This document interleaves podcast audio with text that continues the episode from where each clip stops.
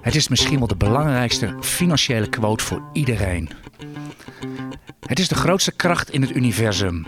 Hij of zij die het begrijpt, verdient eraan. Hij of zij die het niet begrijpt, gaat het betalen. En die quote is van niemand minder dan Albert Einstein. Weet jij misschien ook een hele mooie financiële quote die je boven je bureau hebt hangen, Erik? Zeker. Uh, die is van John Bogle en die gaat als volgt. Zoek niet naar de speld in de hooiberg, koop de hele hooiberg.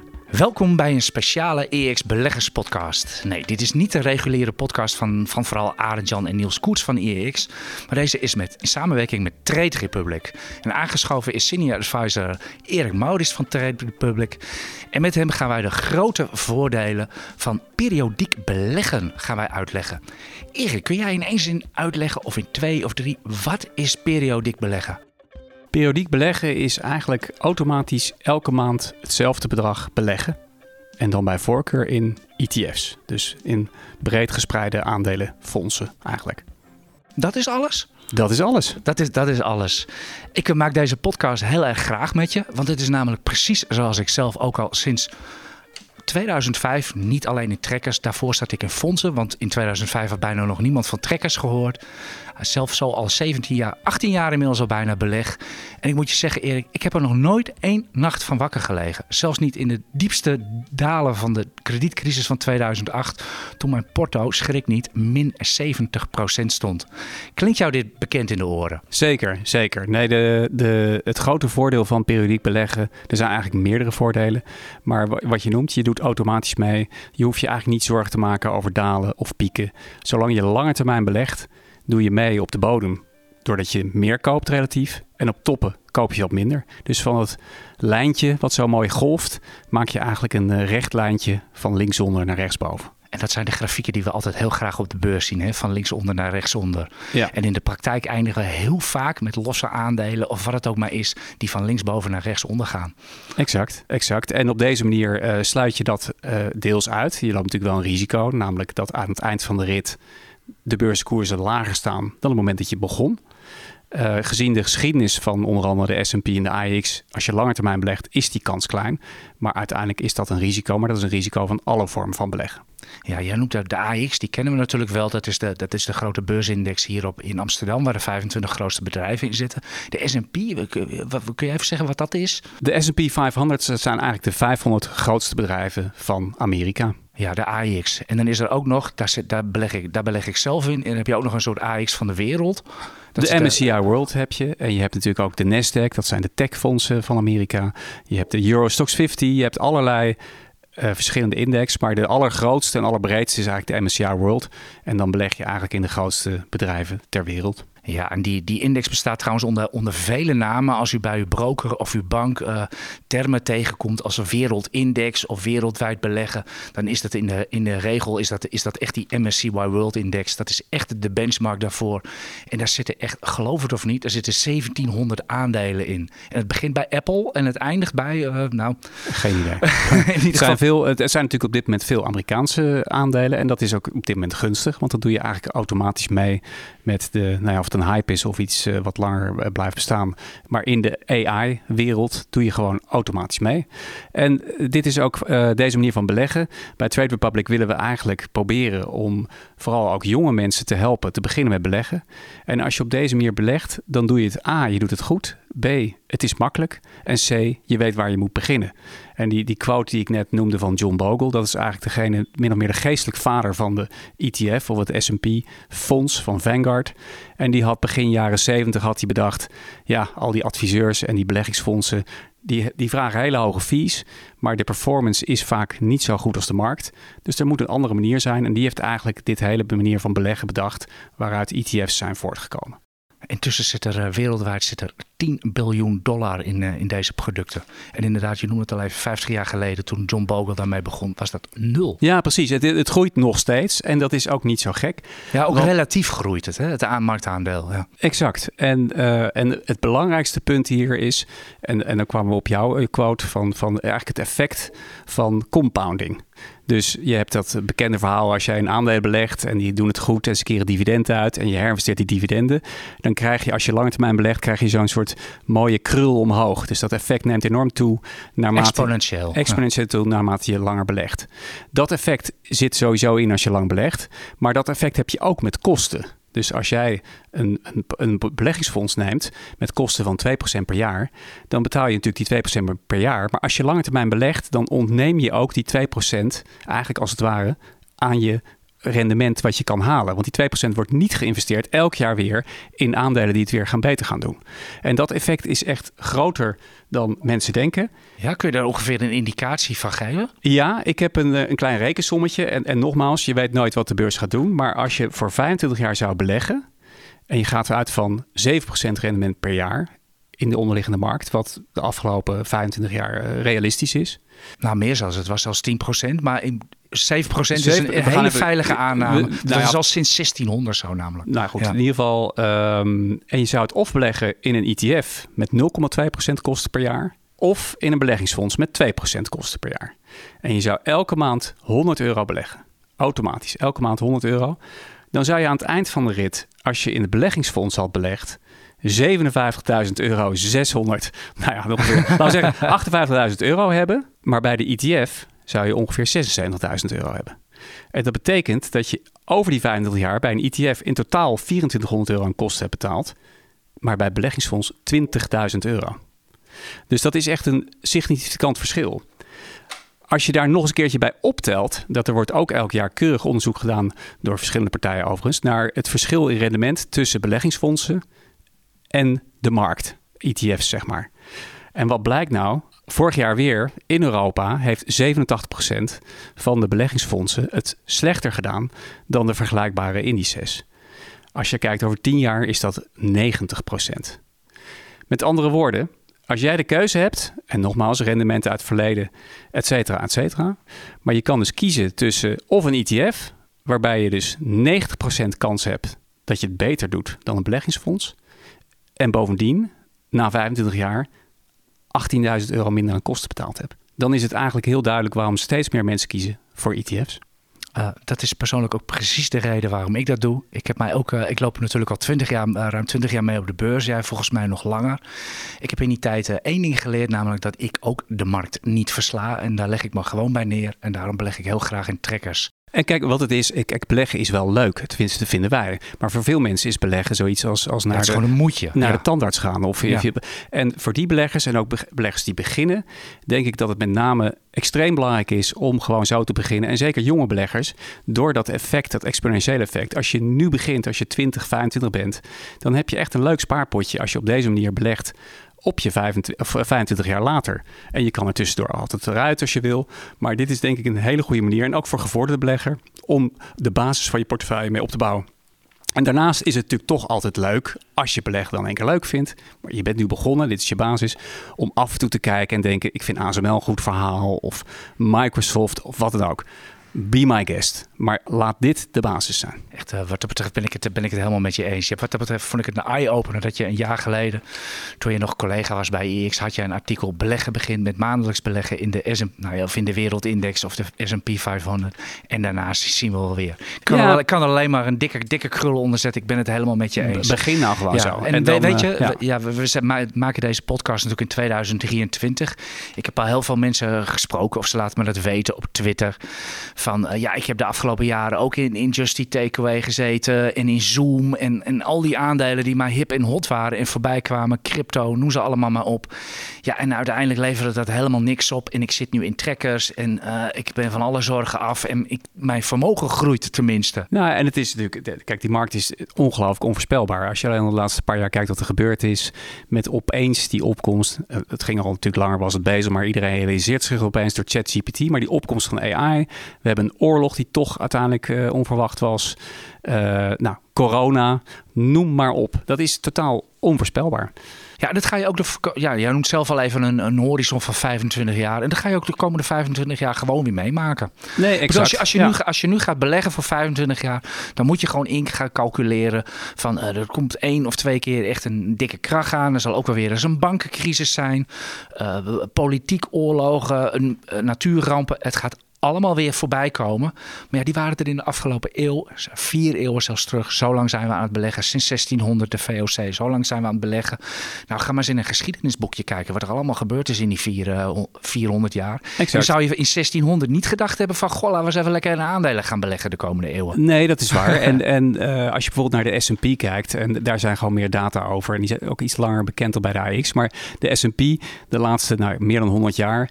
als je op een willekeurige dag kijkt... dan is de kans dat hij positief sluit is geloof ik 53%. Dus ietsje meer maar dan 50%. Dus als je heel kort termijn handelt, dan heb je een vrij groot, grote kans op een verlies.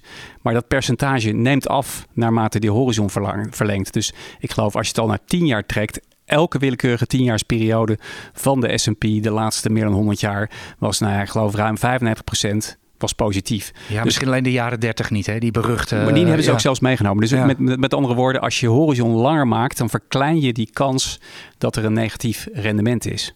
Uh, dus die twee gecombineerd, het feit dat je als je een ETF's belegt, dat je eigenlijk de professionals uh, min of meer allemaal verslaat, in combinatie met dat je statistisch gezien, als je lange termijn belegt, een goed rendement hebt, uh, maakt dit eigenlijk ja, een min of meer onvermijdelijk verhaal.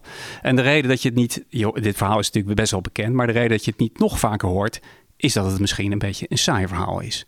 En uh, ja, als, ik was hier toevallig net te gast bij de podcast. Als je elke week een bezoeker uitnodigt die zegt: Ja, je moet gewoon de index kopen en verder niks. Nou, dan word je op een gegeven moment niet meer uitgenodigd. maar waarschijnlijk is het een, uh, een beter advies dan elke keer willekeurig meegaan met de AI-hype, of dan weer de meta-hype, of de biotech-hype. Uh, noem ze maar op. Ja, ik, ik, kan je zeggen, volgens mij jij ook uit eigen ervaring, dat, dat zuigt enorm. Ik doe het zelf ook. Eh, de gros van mijn kapitaal, van mijn vermogen, zit in, inderdaad ook in trekkers, eh, ETF's die ik al heel lang koop. Uh, ongeveer, nou, ik schat ongeveer 7% van mijn portefeuille, van mijn vermogen, zit in individuele aandelen. Uh, een ASML, een, uh, een Justy Takeaway, een ING, het is van alles. Waar kijk ik de hele dag naar? Waar ben ik de hele dag mee bezig, Erik? met die individuele posities. Ja, precies. Naar mijn, naar mijn ETF-portefeuille. Soms geloven mensen niet eens wat ik zeg. Daar kijk ik soms maar twee, drie keer per jaar naar. Als ik mijn nee, maar dat is, ook, dat is ook het voordeel ervan. Je wordt dus ook niet afgeleid en je maakt niet de psychologische fouten van op het laagste, laagste punt juist te verkopen omdat je denkt nu gaat het niet meer gebeuren. Of het hoogste punt instappen omdat je denkt nu gaat het.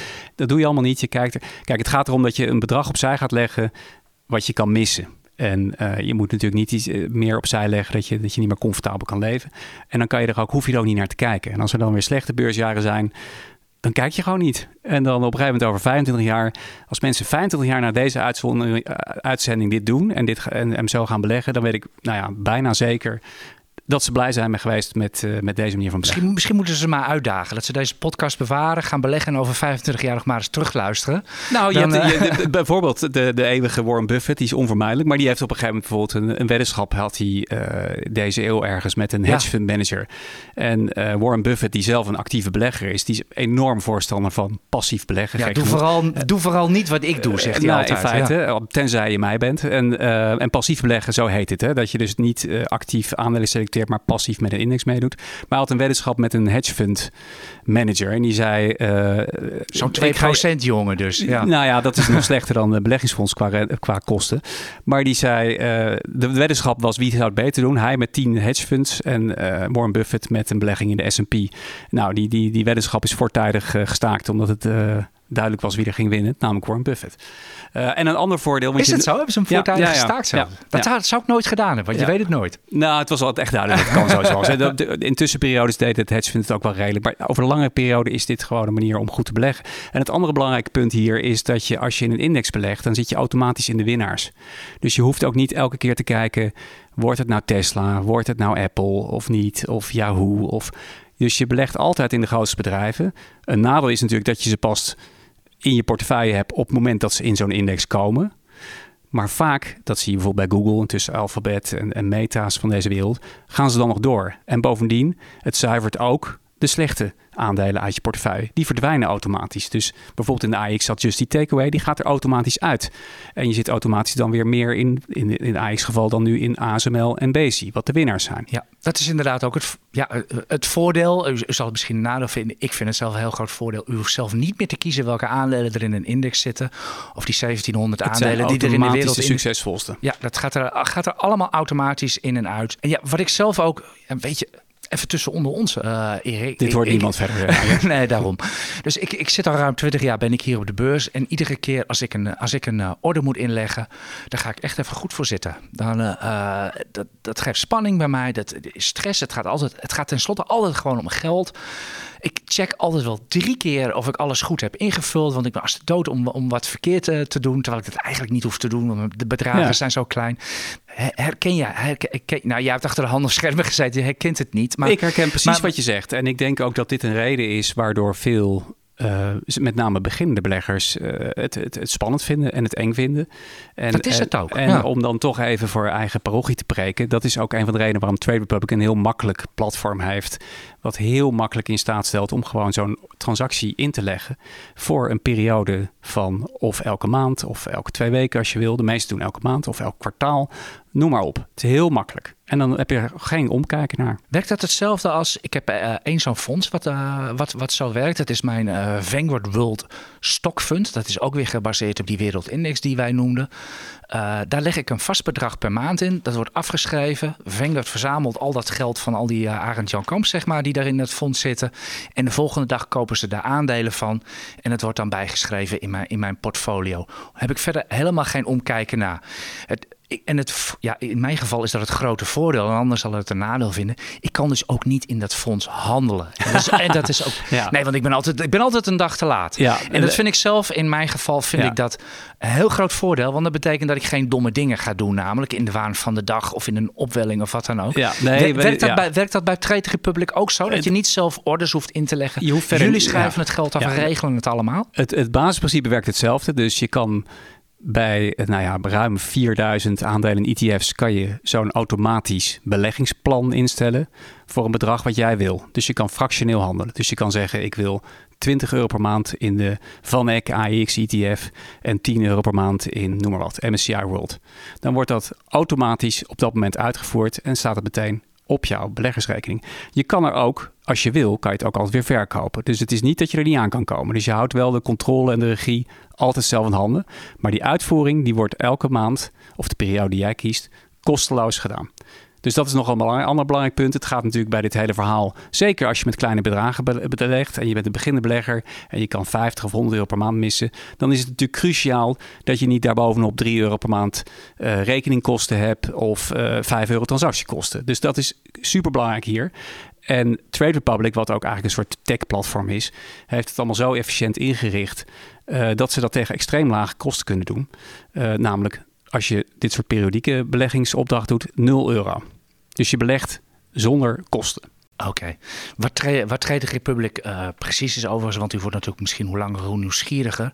Inderdaad, helemaal natuurlijk nu die kosten worden opgeleverd. Dan denkt u natuurlijk bij zichzelf van, ja, maar waar wordt er, wordt er dan geld verdiend? Daar hebben we het op het eind van deze uitzending nog even, even over. We leggen, eerst even, we leggen eerst even uit het principe van, van, die, van die manier van beleggen. En dan uiteindelijk komen we bij de kleine lettertjes uit, om het zomaar, zomaar even te noemen, Erik. Trouwens, nog iets. Ik, uh, ik geef wel eens beleggingsavondjes voor ZZP'ers. Die moeten gaan, die, inderdaad, die mensen die jij ook noemt, die tegen heug en meug eigenlijk gaan beleggen. Want ze willen helemaal niks met het gekkenhuis van die beurs te maken hebben. En uh, het moet. Uh, je kan het verhaal wat jij ook uh, houdt, dat hou ik ook. En iedereen is overtuigd, begrijpt het ook. Maar dan komt de eerste grote drempel, Erik. Een broker-account aanmaken. Ja, dat is, ja, dat is natuurlijk altijd dat is een stap. Een, dat is echt een drempel voor nou, mensen, kijk, Gelukkig hebben de meeste banken en brokers, waaronder Trade Republic, dat nu redelijk makkelijk gemaakt. Dus ja, in alle eerlijkheid, bij Trade Republic is dat ook heel makkelijk. Dat doe je binnen een paar minuten. Maar dat is bij andere partijen ook vrij makkelijk. Dus dat is eigenlijk wel tegenwoordig heel eenvoudig. En ik denk de andere grote stap is vervolgens, wat moet ik dan in godsnaam kopen? En dat is eigenlijk waar we het net over gehad hebben. En, en die, die drempel moet je nemen. En die moet je ook doen en niet uitstellen. Ook nu op dit moment, sommige mensen denken dat de beurs te hoog staat, sommige te laag. We weten het eigenlijk niet. Maar als je op deze manier gaat beleggen en het gaat wel omlaag, nou, dan doe je op die lagere niveaus meer mee. En uiteindelijk ja, de kans dat de beurs over 25 jaar met alles wat er gebeurt en economische groei en nou ja, groeiende wereldbevolking, noem maar op, denk ik dat de kans aannemelijk is dat de beurs hoger staat dan nu. En dan is ook zelfs die investering die je nu doet, zelfs als het nu misschien op korte termijn omlaag gaat, is dan een goede investering geweest. Ja, daar moet je altijd rekening mee houden dat, je, dat de koers boel altijd omlaag nou, gaat. Dat, dat, is dat, het, dat zul je ook merken. Als je begint met beleggen, ga, heb je de hele dag heb je, je, je account open staan. Dan sta je de hele tijd te kijken. Ga je iedere dag kijken. Maar je zult gauw genoeg merken eh, door de maanden heen, weken en jaren. En zeker decennia. Op een gegeven moment, ik zei het ook al in deze uitzending, ik kijk er never nooit meer naar. Nee, maar en dat kan natuurlijk als het geld is wat je in zekere zin kan missen. En, en nogmaals, ik herhaal, en het is goed dat jij dat ook zegt, tussendoor kan het enorm omlaag gaan. En, en daar, moet, je, daar moet je tegen kunnen. En als je daar niet tegen kan, dan moet je misschien uh, iets anders doen. Maar ik denk dat het over termijn, dat dit, uh, nou ja, andere beleggingsmanieren of sparen, gaat dit wel verslaan, denk ik. Ja, ja. en dat, dat is echt heel sterk hoor. Ik noemde al even, ik stond min 70. En echt alles in je schreeuwt dan om eruit. Je wil weg, je wil dit niet. En lees verkopen. Maar gelukkig hield ik mijn hoofd erbij. Ik had van tevoren heel goed bedacht van, ik ga zo beleggen. En inderdaad, 25 jaar, ik ga een kracht meemaken. En ik ga dit meemaken. En dat komt er allemaal voorbij. Niks van aantrekken. Gewoon door. Ik heb me daar, ik zou bijna zeggen, godzijdank aan gehouden. En dat heeft me absoluut geen windeieren gelegd. Nee, nou, kijk, en, oh, maar als je, als je jong bent en je hebt over, je belegt op deze manier en stel de beurs gaat heel goed. En over tien jaar. Ja, maar ik, was achter, ik was achter, nou, ik was 39 en ik had helemaal niks. Dus voor mij was het wel vrij cruciaal. Nou ja, maar goed, is, als je dus op je 20 was begonnen, had je op je 39 had je ja, Maar er zijn ook nog mensen die op een 40, 50ste moeten beginnen. Ja, nou, ik, ik, volgens mij ben je nooit te laat om beginnen. Maar als je dus jong bent, je begint en tussendoor komt er een moment dat je op een hele grote reis wil maken of uh, je wil uh, een huis kopen, moet aanbetaling doen, dan heb je in ieder geval een potje. Dan kan je ook eerder aanspreken. Dat, en, maar, dat, heb maar, ik zelf, ja, dat heb ik zelf ook gedaan. Ik heb in 2013 bijna al mijn aandelen verkocht, omdat ik een huis kocht. En daar ging, uh, daar ging, de, daar ging dus cash geld in. Ja, en nou ja, een eigen zaak beginnen of gaan studeren. Of ja. wat dan. Dat is allemaal hele goede redenen om te verkopen. Maar omdat je het niet ziet zitten, de bibbers hebt of wat dan ook, probeer echt uw verstand erbij te houden. Dat is altijd een hele slechte reden om te verkopen. En daar gaat u ongelooflijk veel spijt van krijgen. Nee, precies. En, en dit is uh, deze manier van beleggen. Bij Trade Republic bieden we dat op een manier aan die ik denk dat heel goed efficiënt is. Maar als iemand uh, om zich heen wil kijken en denkt, ik kan beter ergens anders doen, be my guest. Ja, maar, is, uiteindelijk is overal het, het principe is hetzelfde. Het principe hetzelfde. Alleen maar je kan niet overal periodiek beleggen. Nee. Dat niet, ook niet fractioneel. Dus je, je kan bij. Wat is fractioneel beleggen? Dat je niet het hele aandeel hoeft te koopt, maar dat je een gedeelte koopt. Dus dat je voor bijvoorbeeld nou, wat staat uh, ASML nu? Je hebt het... Uh, uh, ja, 650 of zo. 650. Nou, als je dan één aandeel zou willen of kopen... Berkshire Hathaway voor, nee, voor 600.000 dollar of zo. Dan, dan kan je, als je dus een, een, een kleine portemonnee hebt... dan kan je dat moeilijk in één keer kopen. Maar bij ons kan je dan bijvoorbeeld zeggen... ik wil voor 25 euro per maand automatisch een ASML beleggen. En dan beleg je dus in een fractie van het aandeel. Dus dat heet fractioneel beleggen. Ja, ja. Is het net zo verstandig om in een individueel aandeel maandelijks te beleggen als in een, als in een ETF? Vanuit je risicoperspectief is het natuurlijk verstandiger om een ETF te beleggen. Minder volatiel, meer onderliggende waarde. Je koopt de hele hooiberg, je zoekt niet naar de speld. Absoluut. Alleen, je wil wel die mogelijkheid hebben. En zoals ik al zei, als je het leuk vindt of je hebt een speciale sector. Je hebt natuurlijk alle, ook gespecialiseerde ETF's over klimaat, ESG, noem maar op. Maar dan kan je in ieder geval zo beleggen. En ook als je een kleinere portemonnee hebt, kan je zo dus ASML kopen. Ja, want dat is natuurlijk, dat is natuurlijk ook nog een uh, hot item. Uh, ja, u, u wilt inderdaad ESG beleggen en die wereldindex. Daar zitten ook oliebedrijven in, er zitten farmabedrijven in, er zitten wapenbedrijven in. En uh, wat u maar nog meer niet kosher vindt. Zijn er, zijn er, zijn er varianten op ja. te verkrijgen? Kan je, kan je filteren? Ja, moet kan je, dat zelf doen? Of, daar, hoe werkt dat? Je moet het wel zelf, maar daar kan je op filteren. Maar je ziet ook verschillende, bij ons hier verschillende thema's. Maar het is grappig dat je het zegt, want Trade Republic is enkele jaar geleden in Duitsland begonnen. Daar hebben ze al meer dan een miljoen klanten, met name jongeren die dus op deze manier automatisch. Ja, wat, wat noem jij jongeren trouwens? Uh, 20, 30? Uh, nou, die leeftijd mensen die beginnen ja, met werken. En, uh... ja, ja, precies. Die, laten we zeggen onder de 35. Ja. En die beleggen automatisch maandelijks. En de MSCI World is een van de populairste uh, bestemmingen van dit maand. Maar ook de SRI-versie. Dus dat is socially responsible. En dan zit er een soort filter overheen, waardoor het uh, ja, iets meer rekening houdt met uh, uh, sociale aspecten en het milieu.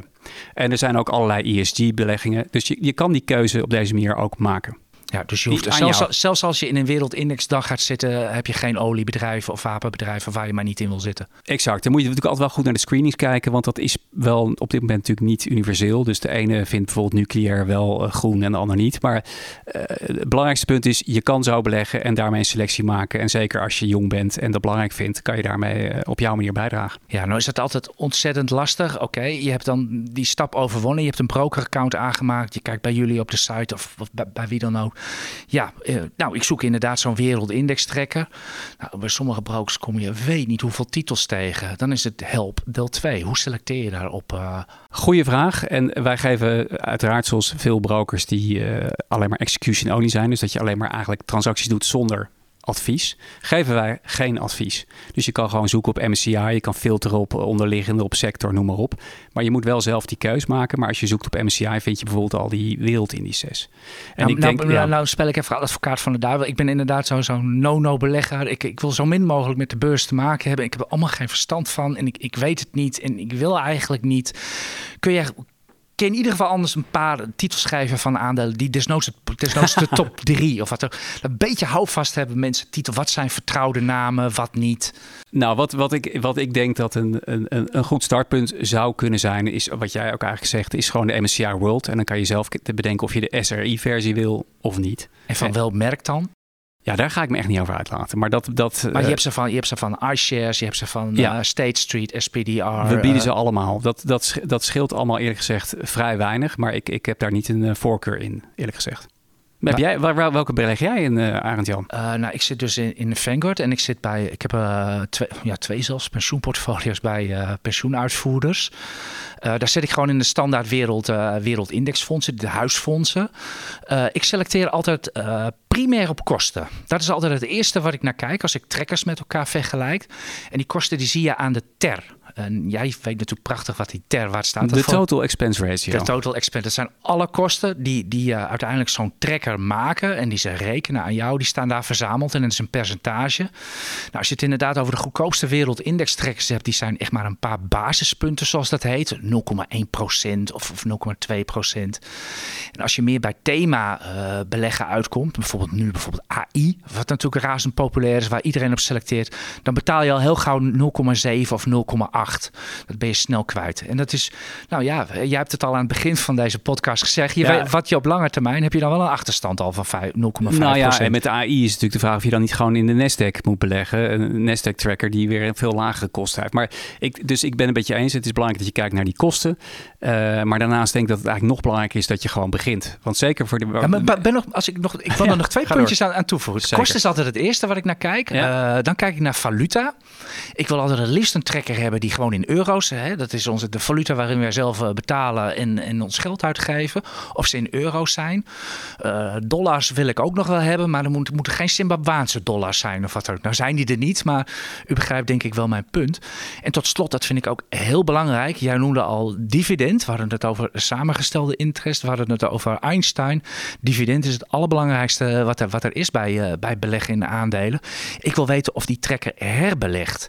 Ja. En als dat zo is, dan staat er tussen tussen haakjes staat er ACC achter van accumulate. Ja. Dat betekent dat nou, bij Trade Republic met periodiek beleggen uh, worden ook uw orders al geregeld. Dan worden ook meteen uw dividenden geregeld. Hoeft u niet meer zelf achteraan. En bij andere trekkers is het vaak zo dat je ze cash op je rekening gestort krijgt, die dividenden. En dan moet je ze weer zelf gaan herbeleggen. Ja, overigens, uh, maar dat is mijn persoonlijke mening, geen advies. Ik denk zelf ik beleg ook wel een, een klein deel in opkomende markten. Dus je hebt de Amerikaanse markt, Europese markt. Maar uiteindelijk, als je kijkt naar de economische ontwikkelingen, dan denk ik dat je op lange termijn ook, ja, hoeveel groot gedeelte, dat laat ik in midden. Maar iets van exposure naar opkomende markten in Azië, denk ik dat goed is. Maar dat is. Uh... Ja, maar, maar zo is het altijd. Ik, ik, ik bedoel, ik ben, ik ben uiteindelijk ook gewoon begonnen met die Vanguard World, uh, World Stock Fund. Maar in de loop van de jaren uh, zoek je er toch wat, wat uitstapjes bij. Ik weet niet of jij, of jij dat ook hebt. Ik zit bijvoorbeeld zelf, omdat ik al wat ouder ben en ik wat minder voor koerswinst gaat en veilige en wat meer voor veilige dividenden, zit ik in, in dividendaandelen, de dividend aristocrats. Ja. Dat zijn echt, het is echt het neusje van de dividend. Van de dividendzalm. Ja, ja, ik zit ook in het Vanguard World Bond Fund. Dat zijn dat zijn obligaties. Maar daar heb ik maar een heel klein, klein gedeelte in zitten. En dat zijn zeg maar de, de uitstapjes die ik nog maak. En ik heb, maar dat is meer een beetje symbolisch. Ik, jij noemde hem trouwens al even de van AX en er is ook een AMX trekker. Dat is hier op de Amsterdamse beurs. Ik beleg in de 50 grootste aandelen hier in Nederland. En die hebben het ook maar volgens is, mij... Ja, dat voegt niets toe aan mijn porto. Maar ik bemoei me met mijn werk met die aandelen. En dan vind ik het wel zo netjes dat daar ook mijn geld in zit. Ja. Dat, is, dat is waar ik zelf in zit. Hoeveel, hoeveel trekkers heb jij? een stuk of tien. Zoveel zelfs. Je hebt echt thema's en zo. Ik heb ook thema's, maar ik heb een paar in Azië en uh, Europa. Ook de AEX, Nasdaq, S&P. Oké, maar daar ben je ook niet vanaf dag één dat je dit ging doen in gaan zetten. Dat is zeker ook in de loop van de jaren zo gegroeid. opgebouwd en ik heb niks verkocht uit. Ik heb ook, nee, echt hand op mijn hart. Ik heb nog, behalve dan voor mijn huis, en verder heb ik ook nog nooit echt iets verkocht. Nooit. En daar ben ik ook niet van plan voordat ik met pensioen ga. Erik, ik denk dat we er zo. Ik denk dat we het aardig hebben uitgelegd. Periodiek beleggen. We moeten alleen nog even hebben. Over twee Ja, zo, hebben, zo werkt dat nou eenmaal in de financiële industrie. In dit land hoeft nooit iemand te vertellen wat zijn belangen zijn en hoe die geld verdient. maar nou, in de financiële industrie moeten we dat wel, wel terecht ook misschien. Wel, wel, ik, vind het, ik vind het ook wel terecht. Ik bedoel, politici mogen mag best onder in beeld vermeld worden waar ze nevenfuncties hebben. Maar goed, uh, Trade Republic, wat is dat precies voor, wat is dat precies voor een bedrijf? En ja, je had nul kosten. Waar verdien je dan het geld? Ja, nou, de, de Trade Republic is een, een Duitse broker. Een paar jaar geleden opgezet. In, intussen al uh, ruim een miljoen klanten. En het is heel efficiënt opgezet. Dus daarom kunnen die kosten laag blijven. Daarnaast, en dat is in Duitsland uh, schering en inslag, zou ik haast willen zeggen. Krijgen we uh, met de beurs die we samenwerken, krijgen we een zekere vergoeding voor alle orders die we sturen. Maar dat krijgen klanten dus als het ware terug in de vorm van lage kosten. Dat staat overigens zeer transparant in elk orderbriefje vermeld. we verdienen ook verder niet aan de valutakosten, geen maandelijkse fees.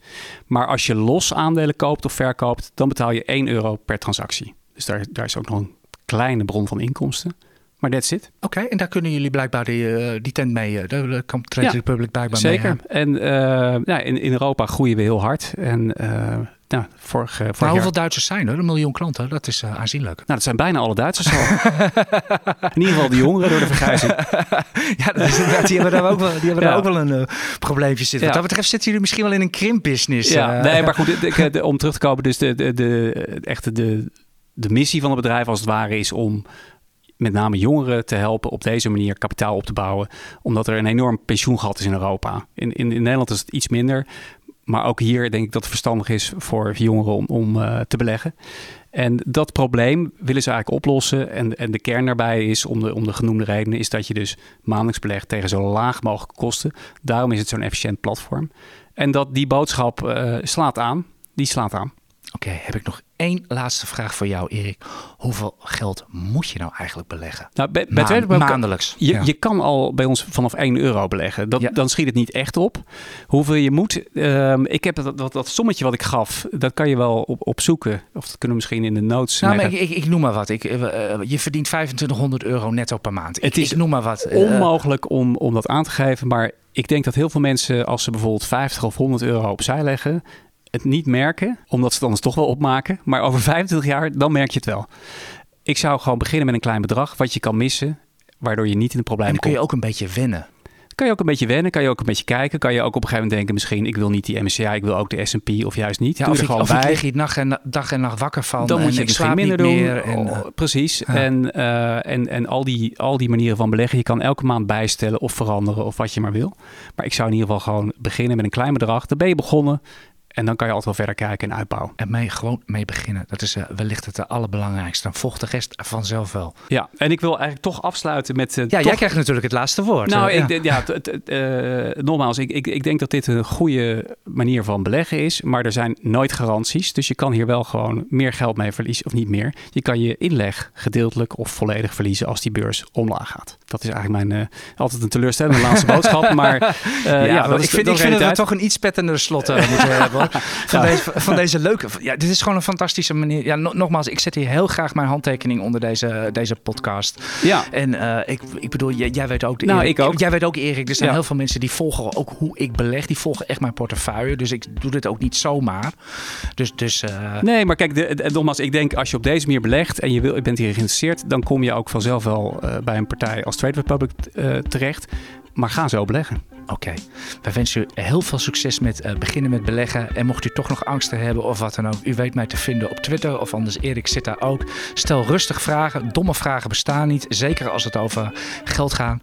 En wij spreken u heel graag weer over 25 jaar. Dankjewel, Erik Maurits. Graag gedaan.